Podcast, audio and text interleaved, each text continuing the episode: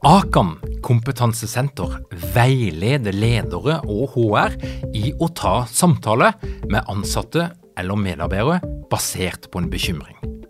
Akan setter ledere og medarbeidere i stand til å forebygge og håndtere en problematisk bruk av alkohol, narkotika, legemidler, spill eller doping blant ansatte. Ønsker du å lære mer om god forebygging og gjennomføring av samtale med en som du er bekymra for? Da kan du nå få tilgang på Akan sitt digitale samtalekurs til spesialpris, kun 760 kroner. Målet med kurset er å gjøre deg tryggere i det som kan være en krevende, men viktig samtale å ta i lederrollen. Du får tilgang til kurset med å gå til samtalekurs.no, samtalekurs.no, og bruke kampanjekoden LEDERPODDEN. Tilbudet gjelder ut april. Dette er en podkast fra Execu. Vi hjelper organisasjoner å utvikle enda bedre ledere og ledergrupper. Lær mer på execu.no.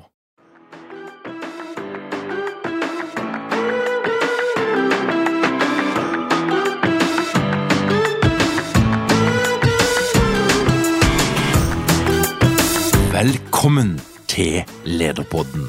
Mitt navn er Tor Åge Eikrapen. Jeg jobber som organisasjonspsykolog med leder- og ledergruppeutvikling i XEQ, og dette her er en podkast om ledelse. For å gi deg en best mulig start på 2024, så får du i dag en ønskereprise med et tema og en gjest som virkelig er på Lederpoddens topp fem-liste.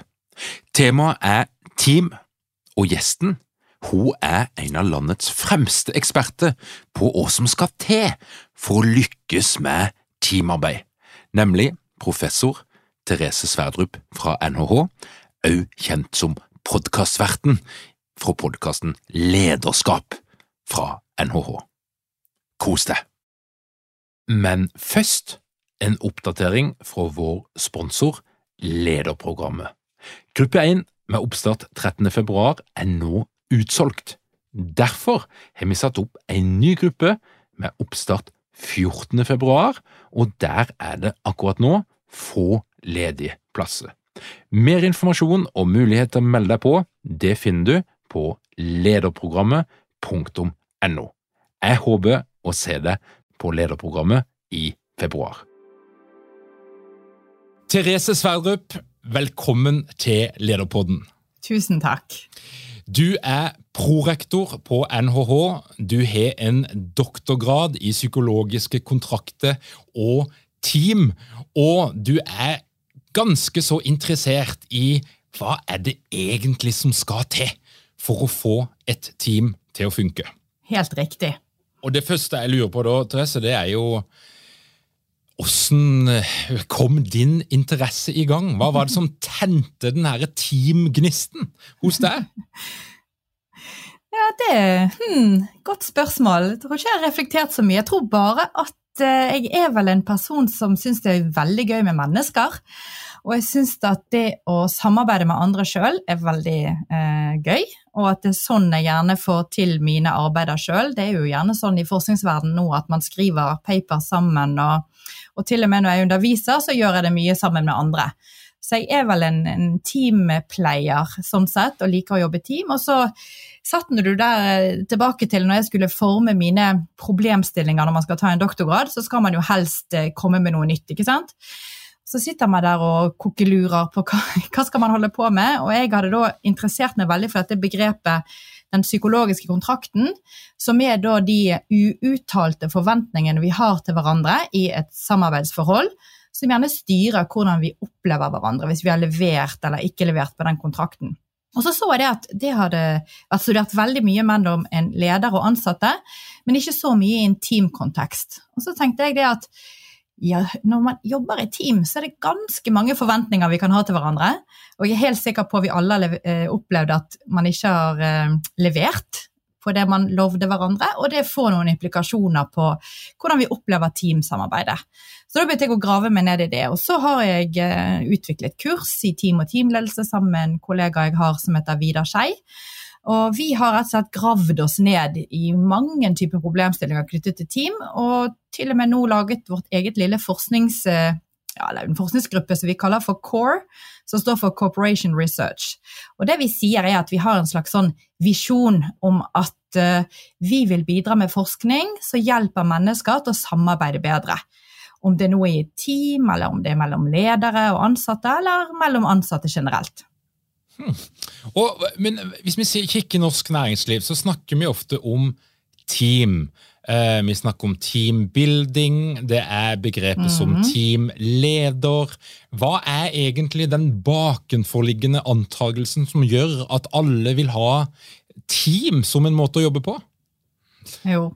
Jeg, jeg pleier å si det at eh, altså, Hvis vi går til definisjonen av team, sant? så er det en gruppe av mennesker som kombinerer sine ressurser, sine evner, mot å nå et felles mål. Og de er avhengige av hverandre for å få det til. Så det teamet består av mennesker som er avhengige av hverandre og har et felles mål. Så, så det er liksom kjernen i, i det med team. Og så er det noe med å forstå hvordan kommer vi videre sant? til å, å ta eh, ja, teamet og få leveransene fra teamet. Hva var spørsmålet ditt igjen? Nå begynte jeg å komme meg inn i, i definisjonen. Ja, er, ja og det, er, det, er, jo der vi er, men det, for det ligger jo en slags antagelse bak der om at et team ja. det skal gi oss noe ekstra. Ja. ja, og det der pleier jeg å si, Vi har en sånn type, en del anekdoter der ute, sånn som at to pluss to faktisk blir fem. Jeg syns det er veldig artig at vi har en tro på at hvis vi bare setter mennesker sammen, så vil noe magisk oppstå. Så jeg har en oppfatning av at mange har en positiv eh, forventning til team, og at vi, vi, vi vil oppnå noe stort bare vi setter mennesker sammen. Og da synes jeg det er spennende når, når, forskerne går inn og faktisk måler eh, teamet og, og, hvordan de presterer, så pleier jeg å si det at eh, sånn på generelt nivå så blir to pluss to mer tre. Og i hvert fall ikke fem. Altså vi er heldige hvis vi kommer på fire.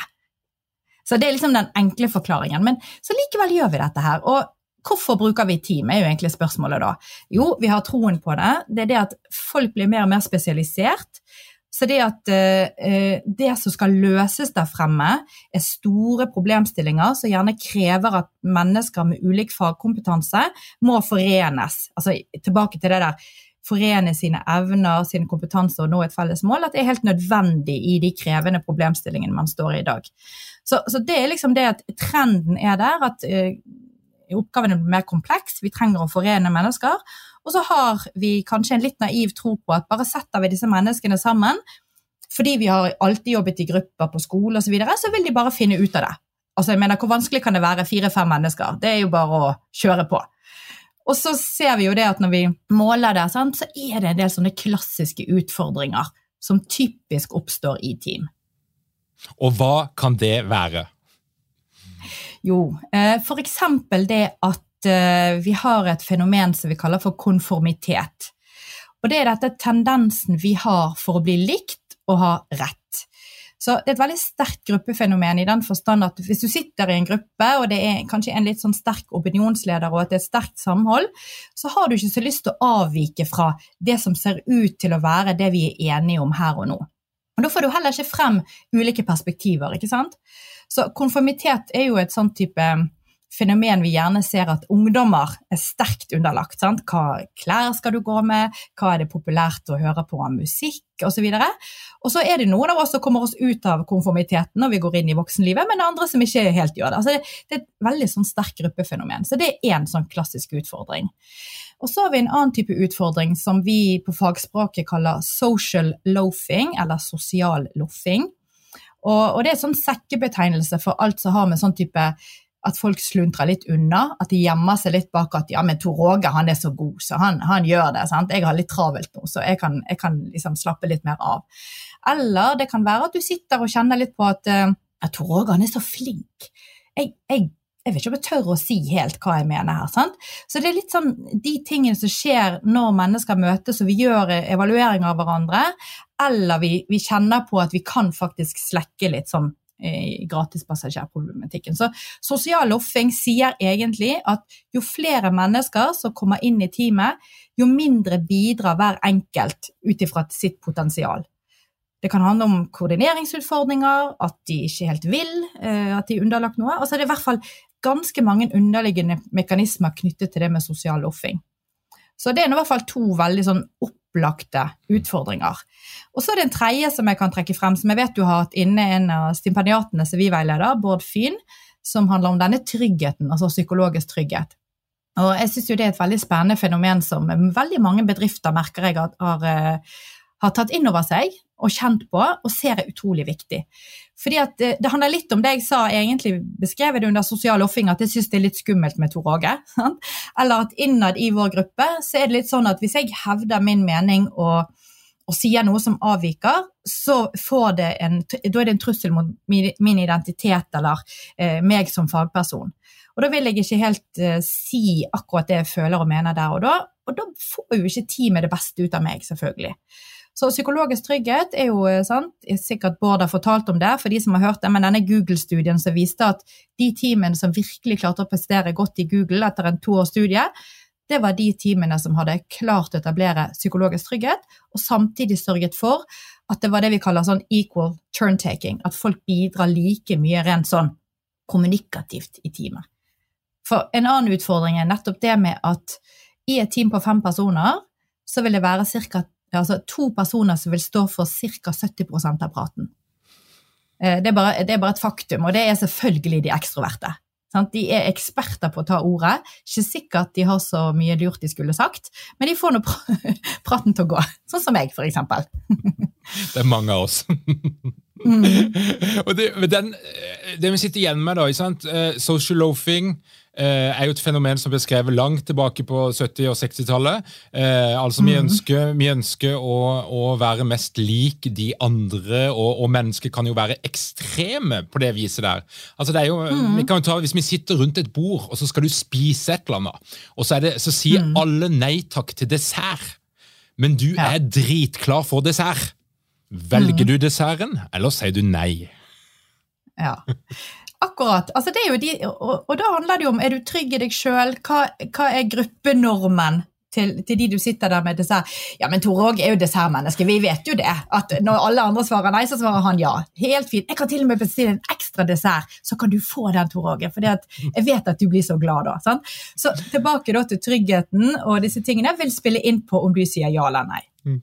Men, men, når vi ser på utviklinga, så, så, husker jeg når jeg først hørte om Team, så var det jo social loafing. Eh, det var, det var Tuckman sin, sin, modell på de ulike fasene. Men så, mm. så er det jo skjedd noe i det siste med agile team. Vi snakker om autonome mm. team. altså Litt sånn fremtidas måte å organisere seg på. Det er jo ikke tilfeldig at det er Google som gjør denne studien. Så tenker en at Innenfor den måten å tenke, så har team fått en stor plass. Men det jeg lurer på, Therese, du har forska på dette, her, dine kollegaer har forska på det. Er team egentlig oppskrytt? Nei. Altså, får man teamene til å fungere veldig godt, så er det jo en enorm kraft. Det som vi prøver å si, er at uh, ta en runde og evaluer hvorfor trenger du et team. Altså jeg tror nok at det som skjer, er at man kanskje har for lett til å hoppe til at eh, vi trenger å sette ned et prosjekt, vi må forene noen folk. Og så merker jeg når jeg snakker med mennesker ute i organisasjoner at vet du hva, jeg er del av fire, fem, seks team, jeg, jeg, jeg, har ikke kontroll, jeg vet ikke helt hvor jeg er. Sant? Og så har ikke man kanskje tatt den runden eh, litt sånn internt på hvordan skal vi strukturere oss, at det blir litt for sånn opp til tilfeldighetene hvor mange team man blir eh, del i. Så man skal ta en god runde. Altså, Da kan du bare gå tilbake til definisjonen. Har vi behov for at disse menneskene skal jobbe i et avhengighetsforhold med hverandre og, og nå et felles mål, så må du sette sammen et team. Det som er typisk, er jo at når jeg snakker om akkurat de to elementene der, avhengighet og felles mål, og ber de teamene som allerede er etablert, å diskutere ja, hva er deres avhengighet og felles mål, så sliter de. Så allerede der feiler ganske mange team. Man har heller en tro på at ja, men vi, vi må få folk til å snakke sammen. La oss sette sammen team. ikke sant? Så troen på team, ja, det er utbredt, men jeg vil påstå at ja, vi skal ikke slutte å bruke team, men du skal ta den runden først. Og så er jo spørsmålet ok, vi har valgt å ha et team, vi tror og vi trenger det, for vi vet vårt felles mål, og vi vet at det er en avhengighet mellom disse partene. Det er jo det vi har vært nysgjerrige på da, er jo hvordan skal du da tilrettelegge for best mulig til at de kan få til et teamarbeid, sånn at de slipper å komme inn i social loafing, konformitetsproblemer, at det mangler psykologisk trygghet. Og det vi da eh, landet på, det var jo egentlig litt tilbake til du snakket om Tuckman og faser. Det er det at første fase er oppstarten. Og hvis det er noe vi kan hente fra psykologien, så er det det at førsteinntrykket er en veldig sterk effekt. Altså, det som skjer i et første møte, enten det at meg og deg møtes nå for første gang, da skaper vi noen tanker og ideer om hverandre osv., men også i et team. Det som blir sagt og gjort i et første møte, det fester seg nærmest som noen eh, spilleregler eller normer. Altså Normer er jo regler for atferd. Og enhver konstellasjon av mennesker i en gruppe vil utvikle et normsett det som skjer, er jo at det gjerne gjøres veldig implisitt, at ikke man tar kontroll på de normene som dannes. Og da kan man få det vi kaller uhensiktsmessige normer. Eh, at eh, Tor Åge Unnskyld at jeg bruker deg så mye, Tor Åge, men Tor Åge kommer alltid for seint til møtene. Og hvis ikke han da får beskjed om at det ikke er greit, så fortsetter han bare. Og han avbryter alltid.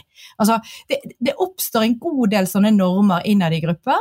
Og det vi har sett da, er at eh, en av disse professorene vi har knyttet oss sterkt til, som heter Richard Hackman, eh, han lever dessverre ikke i dag, men har lang erfaring fra forskningen innenfor team, han sa følgende altså, Det som skjer første gangen en gruppe møtes, har en sterk effekt på hvilken dynamikk og hvordan de opererer gjennom sitt måte, gruppeliv. Og Det gjorde at vi ble veldig nysgjerrig på ok, hva, hva er det der som blir sagt og gjort første gangen? Kan vi, kan vi, hente noe, kan vi lære noe om det, og kan vi komme med noen anbefalinger. For hva gjør man da på det første møtet?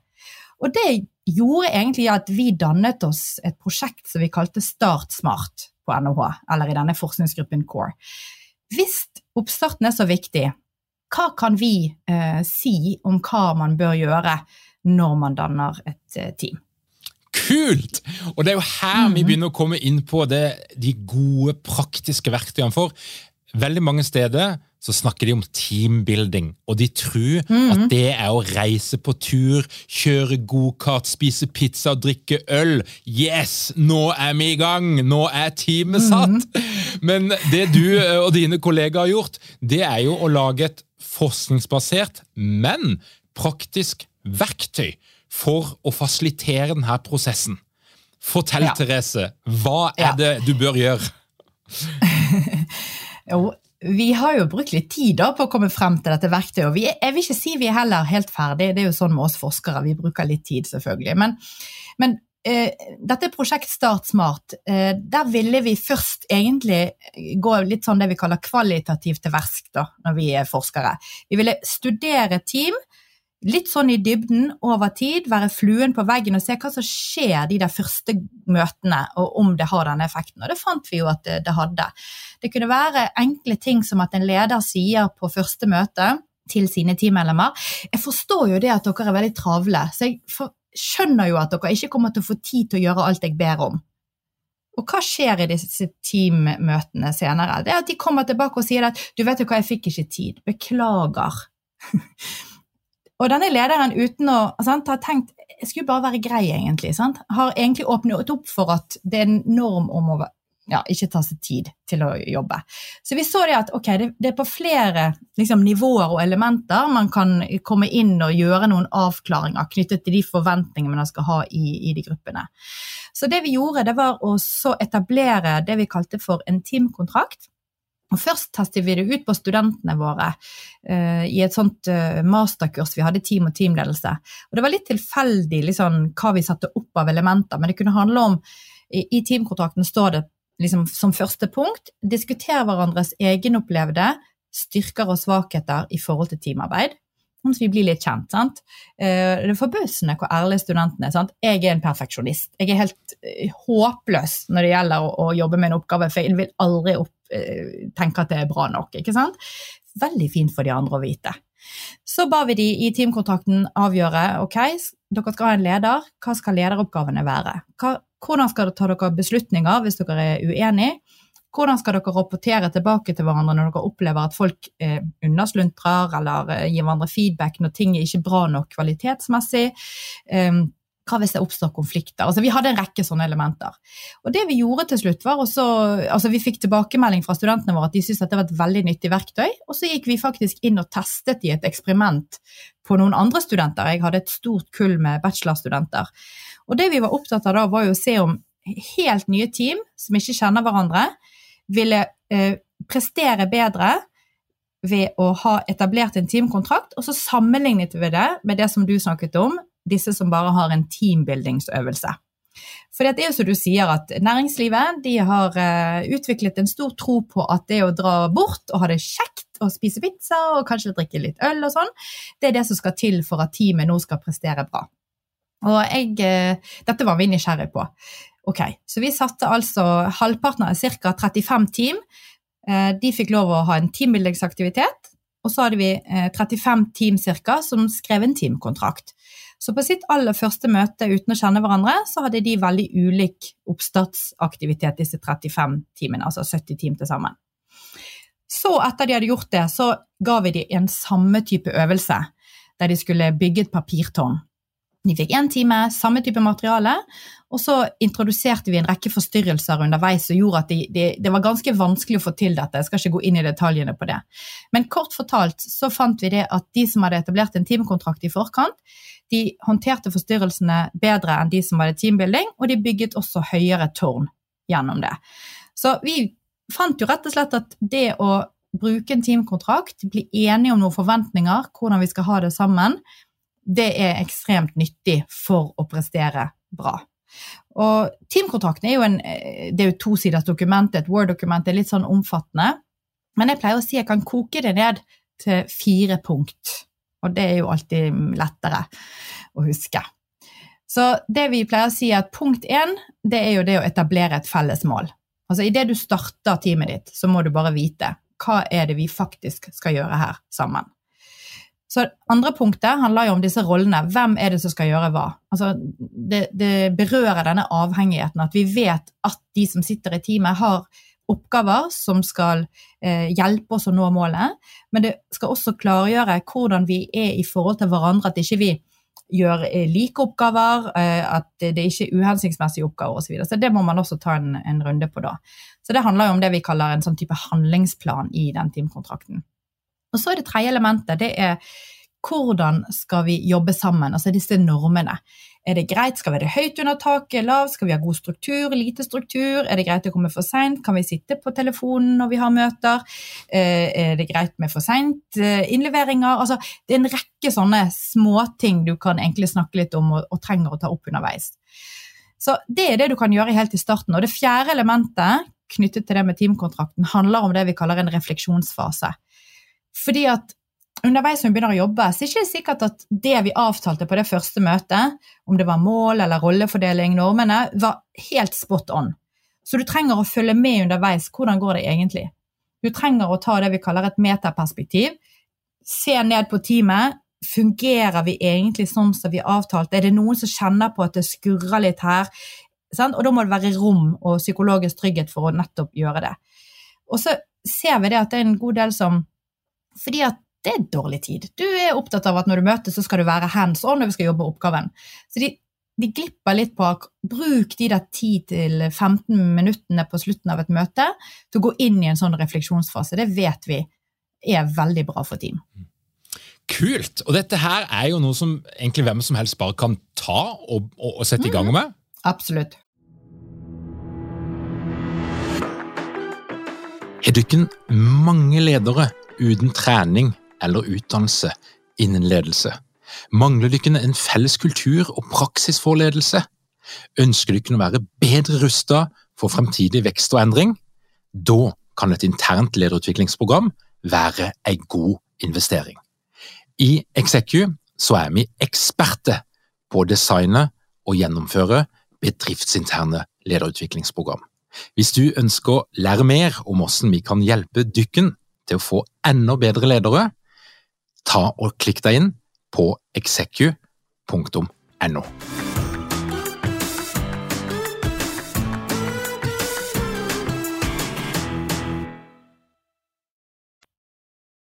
Hva, hva, er det som, eh, Når er det det gjenger galt? Når er det en teamkontrakt bare blir et papir som forsvinner i eh, ei eller annen hylle og slutter å bety noe?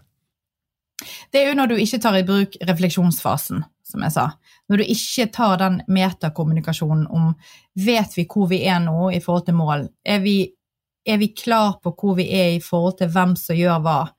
Eh, for det er gjerne sånn, altså vi, vi var og observerte, det var vel en ledergruppe som reiste på et høyfjellshotell, og de snakket veldig sånn i en oppsatsfase 'dette er viktig for oss', og så videre.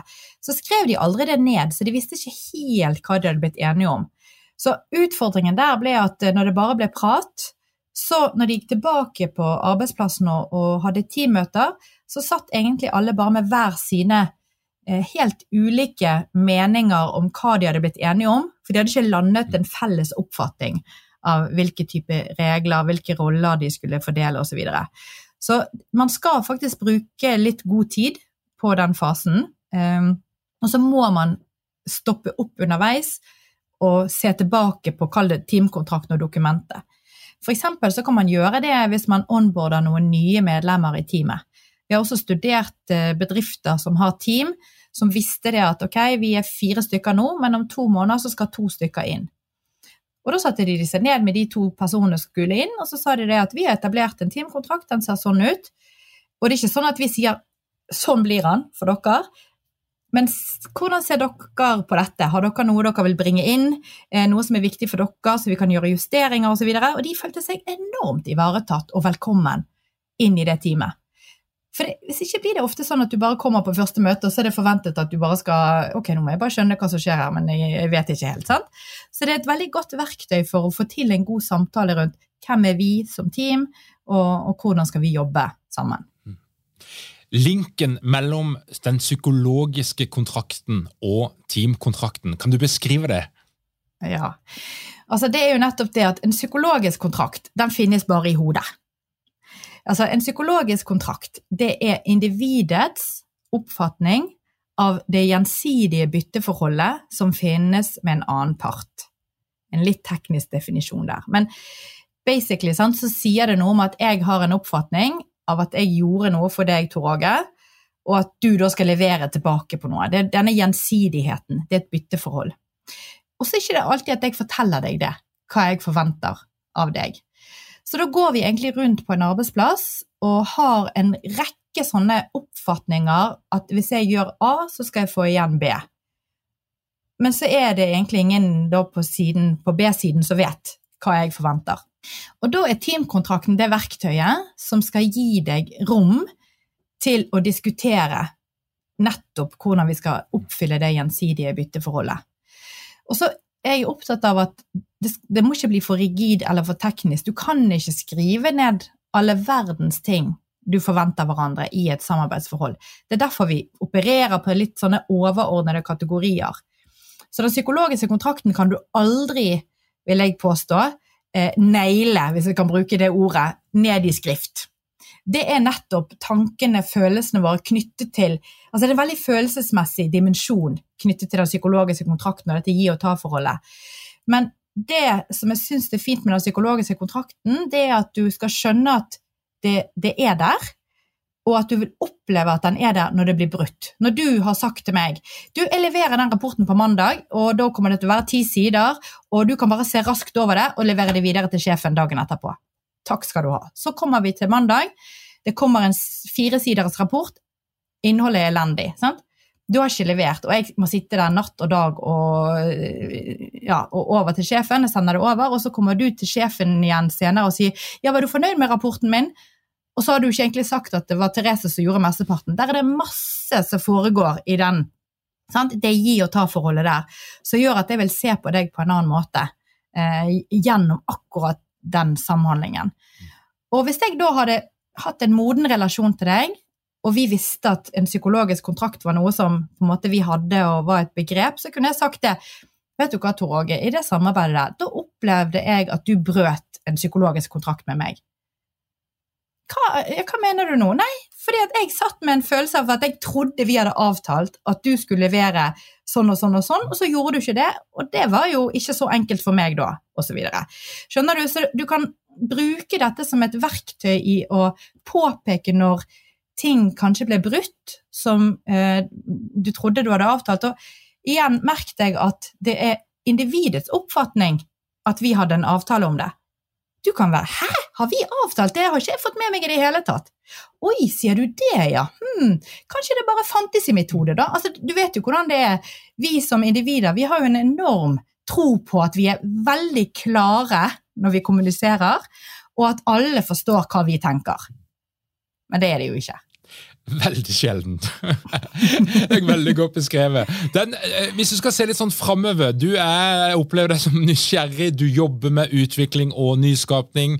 Um, du, du, du, har jo en liten gjeng ute i Fyllingsdalen som heter S-banken. Der eksperimenterer de jo mhm. akkurat nå med såkalte autonome team. Hva, hva tenker mm. du om framtida? Hva, hva er det med, Hvordan kommer vi til å jobbe om 10-15-20 år? Hva skjer? Oh, ja, det, jeg, er veldig, jeg, er ikke så god å spå. Jeg er jo nysgjerrig, men jeg vil jo heller ha det som forskningsbasert kunnskap. da. Men ok, la oss ta trenden, da. Eh, bare for å ta det som du sier med autonome team. Sant? Vi begynte jo med team, og så hadde vi at ledere måtte passe på dem. Sant? Eh, så dette lederstyrte teamet. Og leders, et lederstyrt team er jo gjerne slik at det er en leder som gjerne har målet, og som òg beskriver litt hvordan skal disse menneskene samarbeide for å nå målet. Og beveger vi oss over til disse autonome teamene, så betyr det at lederen er nærmest sluppet taket og sier det at her hos oss så er vi en organisasjon, vi har en visjon, vi har et purpose, som er veldig populært å snakke om, ikke sant? Og dere som autonome team skal bare selv finne ut hva skal dere jobbe med for at vi skal til sammen i denne organisasjonen nå den visjonen eller det purpose. Og så skal man bare delegere og så bare håpe på det beste, ikke sant? Eh, og med selvfølgelig kompetente medarbeidere som har en drive, og som forstår den overordnede visjonen, så kan dette fungere veldig bra. For det er noe vi vet fra motivasjonsforskningen, så er det det at mennesker som gjerne har som er høykompetente, har lyst til å kjenne på at de kan ha en innvirkning og en påvirkning, og at deres kunnskap og kompetanse teller. Og da er det veldig bra med disse autonome teamene. Så jeg ser jo at det er en tendens vi går mot, men så ser jeg også at det kan være en utfordring eh, å få til eh, samarbeid på tvers mellom disse autonome teamene. At det innad i organisasjonen blir slik at disse autonome teamene løper litt i hver sin retning, og at man ikke får helt til at de snakker sammen igjen. Så jeg tror nok at vi fortsatt vil ha behov for struktur. Og så tror jeg også at Eh, vi må passe oss litt for at folk ikke skal være del av for mange team, sånn som jeg sa litt innledningsvis i sted. At de opplever en, en slitenhet og en trøtthet i å alltid gå inn og ut av nye eh, teamkonstellasjoner. Så eh, tilbake til det der trenger man virkelig team? Det tror jeg er første spørsmålet man skal stille seg.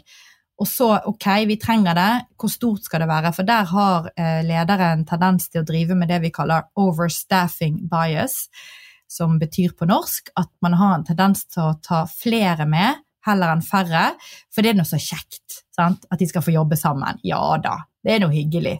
Han òg er jo god på det, vi tar han med. Og så glemmer man helt å tenke på at uh, du øker koordineringsutfordringene når man tar med veldig mange mennesker. Så ja, spå ti år frem i tid. Jeg tror ikke teamet slutter uh, å jobbe. Jeg tror også det vil være det med det autonome, men jeg tror ikke vi skal gi slipp på strukturen. Og så tror jeg også at ehm, eh, Du nevnte jo agil eh, metodikk, eller det er jo mange typer, da, men det er jo en smidig måte å arbeide på. At det vil vi utforske mer og mer, og det vil prøve å tas inn. Det har jo kommet fra software- og utviklersiden, ikke sant. Og så får man inn forretningssiden, og de jobber veldig tverrfaglig. Og så prøver man å få dette, for da jobber man i dette vi kaller sprinter, og veldig sånn korte deadlines er veldig godt strukturert. Du har en oppstartsfase, sånn som vi nettopp har snakket om, og du har en refleksjon eller en retrospektiv. Eh, og så prøver han å overføre dette f.eks. til markedsavdelingen eller til andre. Og så ser man at ikke det er så lett. Så man kan ha en tendens, tror jeg, til å forelske seg litt i en metodikk, og så teste det ut, og så må man gå litt tilbake. Så sånn tror jeg vi vil holde på. Noen trender som kommer og går, og så må man justere litt. Og Hva er det ledere skal gjøre, teamledere som hører på dette her, og som har lyst til å gjøre noe med teamet sitt for å få det til å prestere bedre? Og Noen er jo litt der nå at de skal tilbake igjen på kontoret. Eh, de har sittet mm. på hver sin tue. De skal på en måte reetablere teamet sitt. Hva mm. er, Hvis vi skal koke det ned og oppsummere, hva er de gode triksene som teamlederen kan sette i gang med ganske kjapt for å få litt sånn Øke trykket litt? Mm. Jeg snakket jo i sted om teamkontrakten som et sånt optimalt verktøy for det første møtet, eller det, første teammøtet. Men du kan også tenke deg at du kan gjøre en restart. Istedenfor at du starter smart, så kan du gjøre en restart. Og det, det vi har gjort der i enkelte tilfeller, det er å si det at uh, en restart det handler om å sette sammen teamet og så si det at uh, og jeg vet ikke hvor lenge hvert team har jobbet sammen, men du kan si at du, nå har vi vært sammen i to måneder. Hvordan syns vi at det har fungert i to måneder? Så du tar en sånn Går inn i dybden på utfordringer man har opplevd. Og så gjør man gjerne en analyse på de utfordringene som man har opplevd. Og så bruker man egentlig bare tid i La oss si hvis du skal dele dette konkret opp i en times uh, session, så bruker du en halvtime på runde rundt bordet. Hva utfordringer har man opplevd den siste tiden.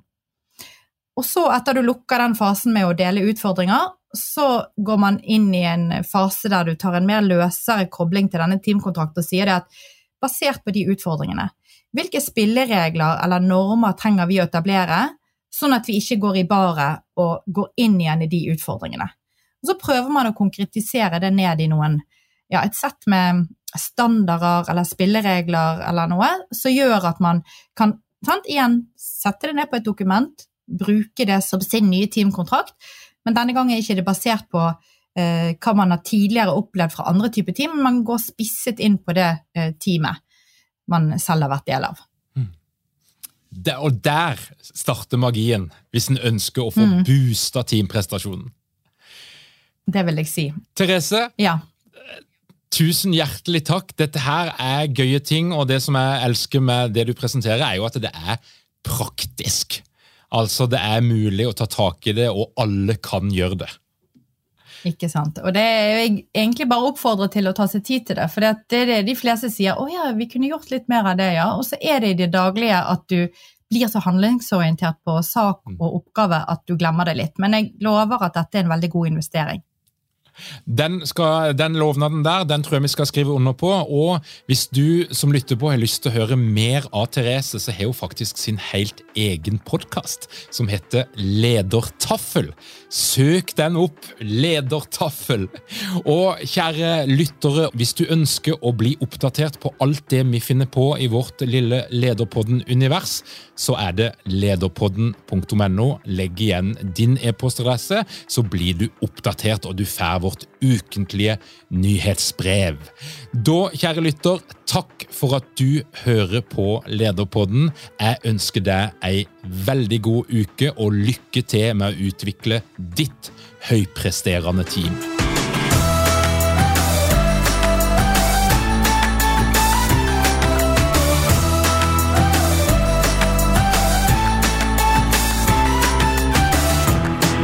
Lederpodden er gitt til deg av Execu.